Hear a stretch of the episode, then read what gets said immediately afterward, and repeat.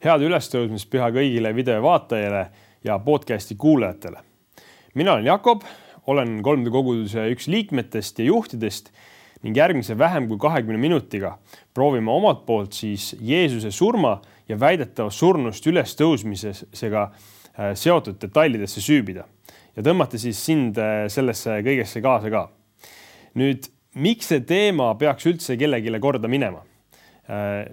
See on hea küsimus ja ma arvan, aus vastus oleks sellele see, et äh, Jeesuse ülestõusmisesse uskumine on kõige maailma ajalugu mõjutanud äh, veendumus üldse, kõige rohkem.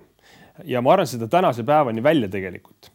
selle uskumuse nimel äh, on jäetud maha kõik, et viia lihtsalt see sõnum Jeesusest seni tundmatusse maailma.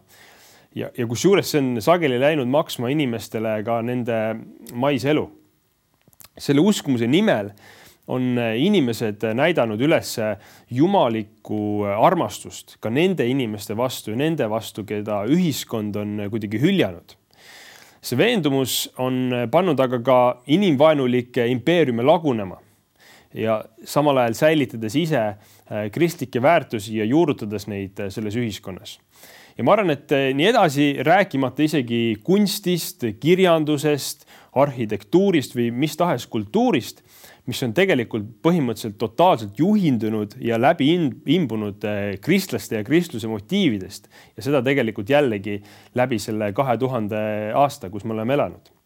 ja selle kõige juures võib-olla ka kriitilisem kõrvaltvaataja võiks küsida, et eh, okei okay,, aga mis siis, kui see kõik järsku oli üks suur vale ja tänaseks on sellest saanud võib-olla lihtsalt üks selline suur lumepall, mis on ajas nagu hoogu kogunud, onju, ja, ja mingisugust suurt mõju omandanud aga ma arvan, et raske oleks isegi ette kujutada, milline meie ajalugu tõeliselt oleks, kui, kui seal ei oleks kristlust või see olekski olnud vale.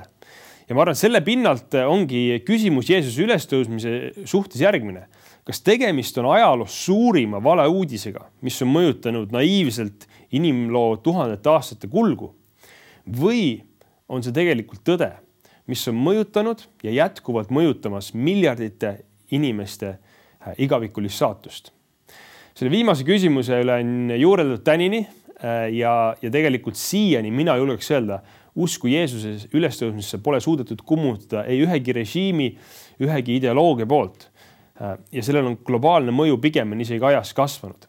aga ma teen sulle ettepaneku, vaatame täna koos lähemalt äh, selle Jeesuse elu narratiivi, millega enamik inimesi, ma arvan, ühiselt nõustub ja siis vaatame ka seda Ehm, kust lähevad nagu veendumused eh, lahku. see, mis on ühine osa, on see, et natuke rohkem kui kaks tuhat aastat tagasi elas siin maailmas mees nimega Jeesus Naatsaretist. on selge, et temas oli midagi väga erilist. tema võimed eh, tervendasid ja, ja, ja kuidagi äratasid huvi inimestes ja see kuuldus levis kulutulena üle tollase maailma. Tal oli enneolematu võime õpetada Äh, ja selle kujundiks tegelikult me võime täna lugeda seda piibliraamatust ja kõnetada isegi siiamaani meid kõiki, sest see oli midagi erilised jumalikud sõnad ja tal olid pühendunud järgijad.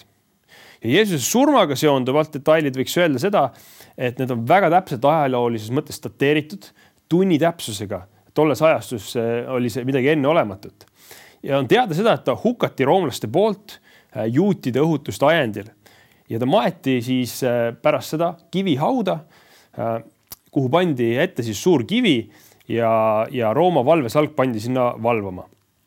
ja me teame ka seda, et kolme päeva pärast oli tegelikult äh, see haud tühjaks saanud ja tegelikult sinna tasandile jõuda ei nõua tegelikult mingit suurt usku, sa ei pea uskuma sellesse, et, et kuidagi Jeesus oli, oli Jumala poeg või midagi sellist, aga see on selline üldinimlik ajalooline eh, teadmine, et Jeesus suri ristil ja see haud oli tühi Äh, ja, ja see ajaloo võib-olla mõttes, kuidas seda täna võiks kujundada, võib-olla võrrelda, on see, et see, et haud oli tühi, Jeesuse haud sai tühjaks, on umbes sama nagu see, et Estonia laev läks põhja.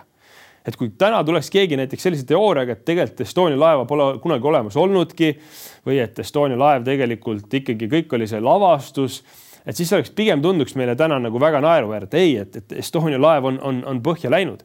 et see on samamoodi nagu, et Jeesus ei, ei jäänud hauda, vaid, vaid ta oli tegelikult haud sai tühjaks. küll on aga, ma arvan, küsimus nii nagu Estonia puhul inimesed küsivad, kuidas see ikkagi täpselt juhtus, siis on küsimus, et kuidas siis Jeesuse haud tegelikult tühjaks sai. Ja sellele ma nüüd ise tahaksingi natukene keskenduda. ja ma mõtlesin, et ma võtan kohe ette pilviraamatu, kus tuleb esile see kristlik narratiiv aga teistpidi seal tuleb esile ka see, mida siis tolle ajastu äh, ühiskond ümberringi äh, arvas, kes ei võtnud omaks äh, kristlikku narratiivi. ma loen Mattuse evangeeliumi kahekümne kaheksandast peatükist.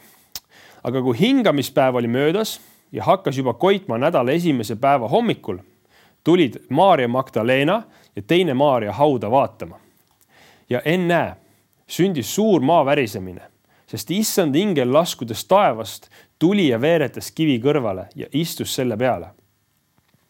aga ta nägu oli nagu välk ja ta rõivad valged nagu lumi. aga hirmus tema ees värisesid valvurid ja kukkusid maha nagu surnud. aga ingel pöördus naiste poole ja ütles. Teie ärge kartke. Ma tean, et te otsite risti löödud Jeesust. teda ei ole siin, ta on üles äratatud, nõnda nagu ta ütles. tulge, vaadake paika, kus ta magas ja minge kiiresti, öelge tema jüngritele, et ta on üles äratatud surnust ja vaata, ta läheb teie eele Galileasse. seal te saate teda näha. vaata, ma olen seda teile öelnud. ja hauakambri juurest kiiresti kartuse ja suure rõõmuga lahkudes jooksid nad kuulutama seda tema jüngritele. ja ennäe, Jeesus ise tuli neile vastu ja ütles, olge rõõmsad aga nemad astusid ta juurde, haarasid ta jalgade ümbert kinni ja kummardasid teda. siis Jeesus ütles neile, ärge kartke, minge ning teatage mu vendadele, et nad läheksid Galileasse ja seal saavad nad eh, mind näha. Aga kui nad olid läinud, vaata, siis tulid mõned valvesalgast linna ja teatasid ülempreestritele kõik, mis oli sündinud ja need tulid koos vanematega kokku ja võtsid nõuks anda sõduritele rohkesti raha. Nad õpetasid. Öelge, Jeesuse jüngrid tulid öösel ja varastasid tema ära, kui me magasime. ja kui maavalitseja peaks sellest teada saama, küll me teda siis meelitame ja teeme, et teie võite olla mureta. Nemad aga võtsid raha ja tegid, nagu neid oli õpetatud ja seda juttu levitatakse juutide seas tänini. ehk siis võib öelda, et äh, piibel kirjeldab tegelikult äh, sellist esmalt üleloomulikku äh, Jeesuse surnust ülestõusu ja teisalt toob esile juutide väite, et jüngrid varastasid Jeesuse ihu. Loomulikult võiks isegi arvata, et neid varastajaid võis olla ka teisi, kuid selgelt polnud ei roomlastel ega juutidel endal motiivi äh, Jeesust, Jeesuse ihu varastada, vaid vastupidiselt nende huvi oli see, et, äh, et seda mitte mingi hinna eest ei juhtuks. aga kui me mõtleme selle, selle peale, siis äh, nende kahe narratiivi peale, siis üks asi, mida ma olen näinud inimeste puhul, kes protsessivad läbi Jeesuse ülestõusmise teemat, on see, et, et lihtne on võtta üks sõnum, vaadata seda ja mõelda, et, et kuna see eeldab üleloomulikku, siis isegi kui, isegi ükskõik, mis on see teine seletus, siis pigem võtame selle, et, et järelikult juhtus see teine, isegi kui me ei oska seda ka lõpuni ära seletada. ja valitakse selline pealispinnaline usk ja mõnes mõttes valeuudiste puhul, mida me, millest me selles ühiskonnas palju räägime, on täpselt seesama narratiiv. et see, mis tundub lihtsam, kuidagi ilusam, äh, loogilisem, äh, levib kulutulena ja mida Josh McDowell näiteks on öelnud selle kohta, on see, et ülestõusmisega seonduvad detailid ongi midagi nii unikaalset, et, et ja kordumatut äh, ka kristlaste uskumuses, et seda, see eeldabki ainuüksi jumalikku sekkumist. et kristlaseks olemine või, või äh, nende veendumuste omamine ei tähenda seda, et me mõtleme, et igaüks äh, nii nagu ise soovib äh,, ärkab surnust üles, onju vaid pigem see tähendab ka seda, et, et see on unikaalne äh, üleloomulik akt, mille Jeesus on teinud, tõendades sellega just oma üleloomulikkust ja, ja jumalikku identiteeti. aga kui me vaatame uuesti neid äh, siis piibli tekste esimesest sajandist ja mõtleme nende Rooma sõduritele, keda pandi päriselt valvama sinna, siis teate, mis, neil oleks surmasüü olnud, kui nad oleks lasknud jüngrid tulla Jeesuse hauale ja päriselt lasta ta ära viia niimoodi, et, et nad poleks midagi teinud. Nad olid treenitud mehed, kes oleks minimaalselt vähemalt osutunud vastupanu, isegi kui seal oleks olnud suur hulk jüngreid, kes oleks tõesti tahtnud seda juhu ära viia. aga uskuda, et nad tõesti magasid postil, kui suur kivi liigutati siis see tundub nii ebaloomulik, et seda on isegi natuke keeruline ette kujutada. ja kui me isegi mõtleme seda, et okei okay,, võib-olla nad seal kuidagi võitlesid ja jüngrid kuidagi tegid midagi, et, et päriselt oli nii, et siiski jüngrid ikkagi viisid äh, selle ihu ära, siis mõelda nende jüngrite peale, kes hiljem lasid vastupanu osutamata ennast äh, peksta ja, ja, ja ei osutanud seda vägivalda siis küsimus on, et, et kuidas on võimalik, et need jüngrid tegelikult lähevad ja, ja katsuvad varastada seda Jeesuse ihu, eh, mis on surnud. Kui, kui see nii selle uskumuse kohaselt on, see tundub eh, nagu täiesti mõnes mõttes nagu loo, loogika või loomuvastane, et midagi sellist saaks juhtuda. ja ma arvan, mis on kõige olulisem, mida me loeme tegelikult ka mitte ainult eh, kristlikest äh, allikatest, vaid ka nendest, mis, mis vastupidiselt olid, olid Kristuse vastandlikud allikad.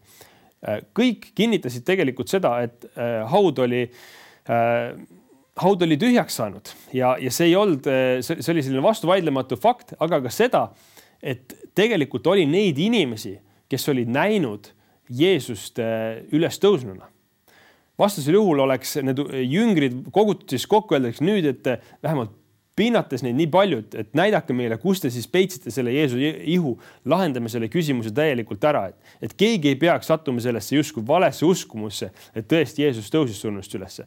aga ei, mitte keegi mitte kuskil ei teinud selliseid ettepanekuid. ja nad ei teinud selliseid ettepanekuid sellepärast, et nii paljud inimesed olid näinud seda, kuidas äh, Jeesus oma, oli surnud üles tõusnud ja tõesti ilmunud oma jüngritele ja üks kõige suurema võib-olla usulise transformatsiooni läbi elanud mehi, Paulus kirjeldab seda oma kirjas korintlastele viieteistkümnendas eh, peatükis niimoodi, ma loen ka selle ette, mida siis eh, Paulus ütleb eh, Korintuse kogudusele. ma olen teile ju kõigepealt edasi andnud seda, mida ma ka ise olen vastu võtnud, et Kristus suri meie pattude eest, nagu on kirjutatud pühades kirjades ja ta maeti maha ja äratati kolmandal päeval üles pühade kirjade järgi. ja ta näitas ennast Keefasele, seejärel neile kaheteistkümnele. seejärel näitas ta ennast ühtaegu enam kui viiesajale vennale, kellest enamik on veel elus. mõned aga on läinud magama. ehk siis see võtab kokku, see oli, see oli üldlevinud teadmine, et inimesed olid näinud üles tõusnud Jeesust ja sellepärast tegelikult keegi ei läinud otsima seda maha maetud surnud Jeesuse ihu, sellepärast et, et ta oli üles tõusnud. Äh, et oli näidanud ennast tõesti üles tõusnuna. fakt on ka, ka see, et, et kogu see äh, nagu mõte äh,, võiks öelda, et okei okay,, aga äkki nad nägid kuidagi mingit hallusinatsiooni ja ma ei jõua täna nendesse teooriatesse süübida, kuidas neid on kummutatud, aga sisuliselt see oleks siiski ka see küsimus jätaks üles tegelikult tühja haua küsimuse ja, ja teistpidi sellise grupi hallusinatsiooni nägemine ei, ei ole ka kuidagi äh, äh, reaalselt võimalik. aga see kogemus Jeesusega, ma arvan, oligi nende jüngrite puhul nii veenev selle ülestõusnud Jeesusega, et need, kes olid varem põgenenud nagu ristilöömise ajal äh, selleks, et neid kuidagi seostatakse Jeesusega, olid korraga totaalselt ümber muutunud, nad olid valmis jätma enda elu, nad olid valmis minema ja, ja tunnistama sellest ülestõusnud Jeesusest. ja samamoodi äh, see ei juhtunud mitte ainult nende esimese ringi jüngritega, vaid tegelikult see, see sõnum levis massiliselt ja inimesed tegelikult kogesid seda, kuidas Jumal on elav ja kuidas Jumal kõnetab ja tegelikult tänase päevani välja. esimesed kolm sajandit tagakiusu ajal Kristus plahvatuslikult levis ja tegelikult tänase päevani välja me näeme, et kristlaste arv äh, maailmas äh, on, on kasvamas aasta-aastalt ja see on sellepärast, et Jumal ei ole surnud, vaid ta on jätkuvalt elav. ja kokkuvõtteks ma tahangi öelda seda, et, et Jeesuse ülestõusmisega seonduvalt on mõnes mõttes, me oleme kõik selles olukorras, kus me võime sinna süübida, võime mõelda ja lõpuks on igaüks meist mõnes mõttes kohtupingis, vaatab neid tõendeid, vaatab neid, äh, neid argumente ja, ja teeb mingisuguse otsuse. Äh, aga mina tahan öelda, et, äh, et sellest ligemale kogu oma elust ja, ja mõnes mõttes viisteist aastat või kuusteist aastat olen ma teadlikult käinud Jeesuse jälgides, siis ma julgen öelda seda, et, et Jeesus on elav ja Jeesus täna ka kõnetab inimesi ta täna ka räägib nii sinu kui minu elu suhtes ja see on see, millele me tegelikult saame samamoodi oma usu äh, tugineda. ta ei ole surnud, ta ei ole jäänud hauda. nii nagu paljud teised selle maailma vürstid on, on maha maetud, vaid ta on tõusnud üles ja näidanud sellega, et ta on Jumala poeg, kes tuli tegelikult siia maa peale ka selleks, et sinul ja minul võiks olla selle ülestõusmise läbi igavene elu. Kui me tunnistame üles oma patud ja anname nagu äh, märku, et tegelikult me vajame, et Jumal äh, tuleks meie ellu ja Jeesus taastaks selle, selle suhte läbi oma ristisurma ja ülestõusmise, siis, siis see on see, mida me tegelikult äh, võime täna teha. me võime usaldada, anda oma elu Jeesusele üle, öelda, et sina oled Jumal. sa oled näidanud seda, ma usun seda, tule ja võta kogu kontroll minu elus ja, juhi mind nii, nagu sina Äh, õigeks pead ja ma ütlen, elada selles Jumala juhtimises, äh, teades, et tegelikult see muudab äh, mitte ainult meie olevikku, vaid ka igavikku, on kõige parem rõõmusõnu evangeelium, mida, mida keegi saab kuulutada. ja kristlasena mina olengi seda kõnega pidamas selleks, et tegelikult sina võiksid seda mõista ja sellesse uskuda. ja ma loodan, et, et kindlasti on neid, kes, kes täna võib-olla mõtlevad, tahavad nii-öelda kuidagi mõelda selle peale, süübida veel, tutvuda kõige nende faktide ja, ja asjadega, tee seda kindlasti, ma julgustan sind selleks, aga võib-olla on täna ka neid inimesi, kes te, on tegelikult seda kõike teinud ja lihtsalt vajavad seda viimast tõuget, viimast kuidagi üleskutset, et anda enda elu Jeesusele üle. Ja selleks ka äh, mina kõiki teid kutsun, et kui te olete täna kogukonnas, koguna keskel, siis jätkake seda arutelu äh, ja, ja rääkige sellest mida Jeesus on teinud ja, ja kuidas Jeesuse ülestõusmine on, on teie elu mõjutanud, aga kui sa oled täna ka üksi kuskil, siis ära jää üksi, võta ühendust eh, kas 3D kogudusega või mõne teise kogudusega. aga tule ühise osadusse ja, ja tegelikult saa osa sellest, eh, kuidas Jeesus võib muuta inimeste elusid, nii et aitäh teile kõigile, Jumalaga.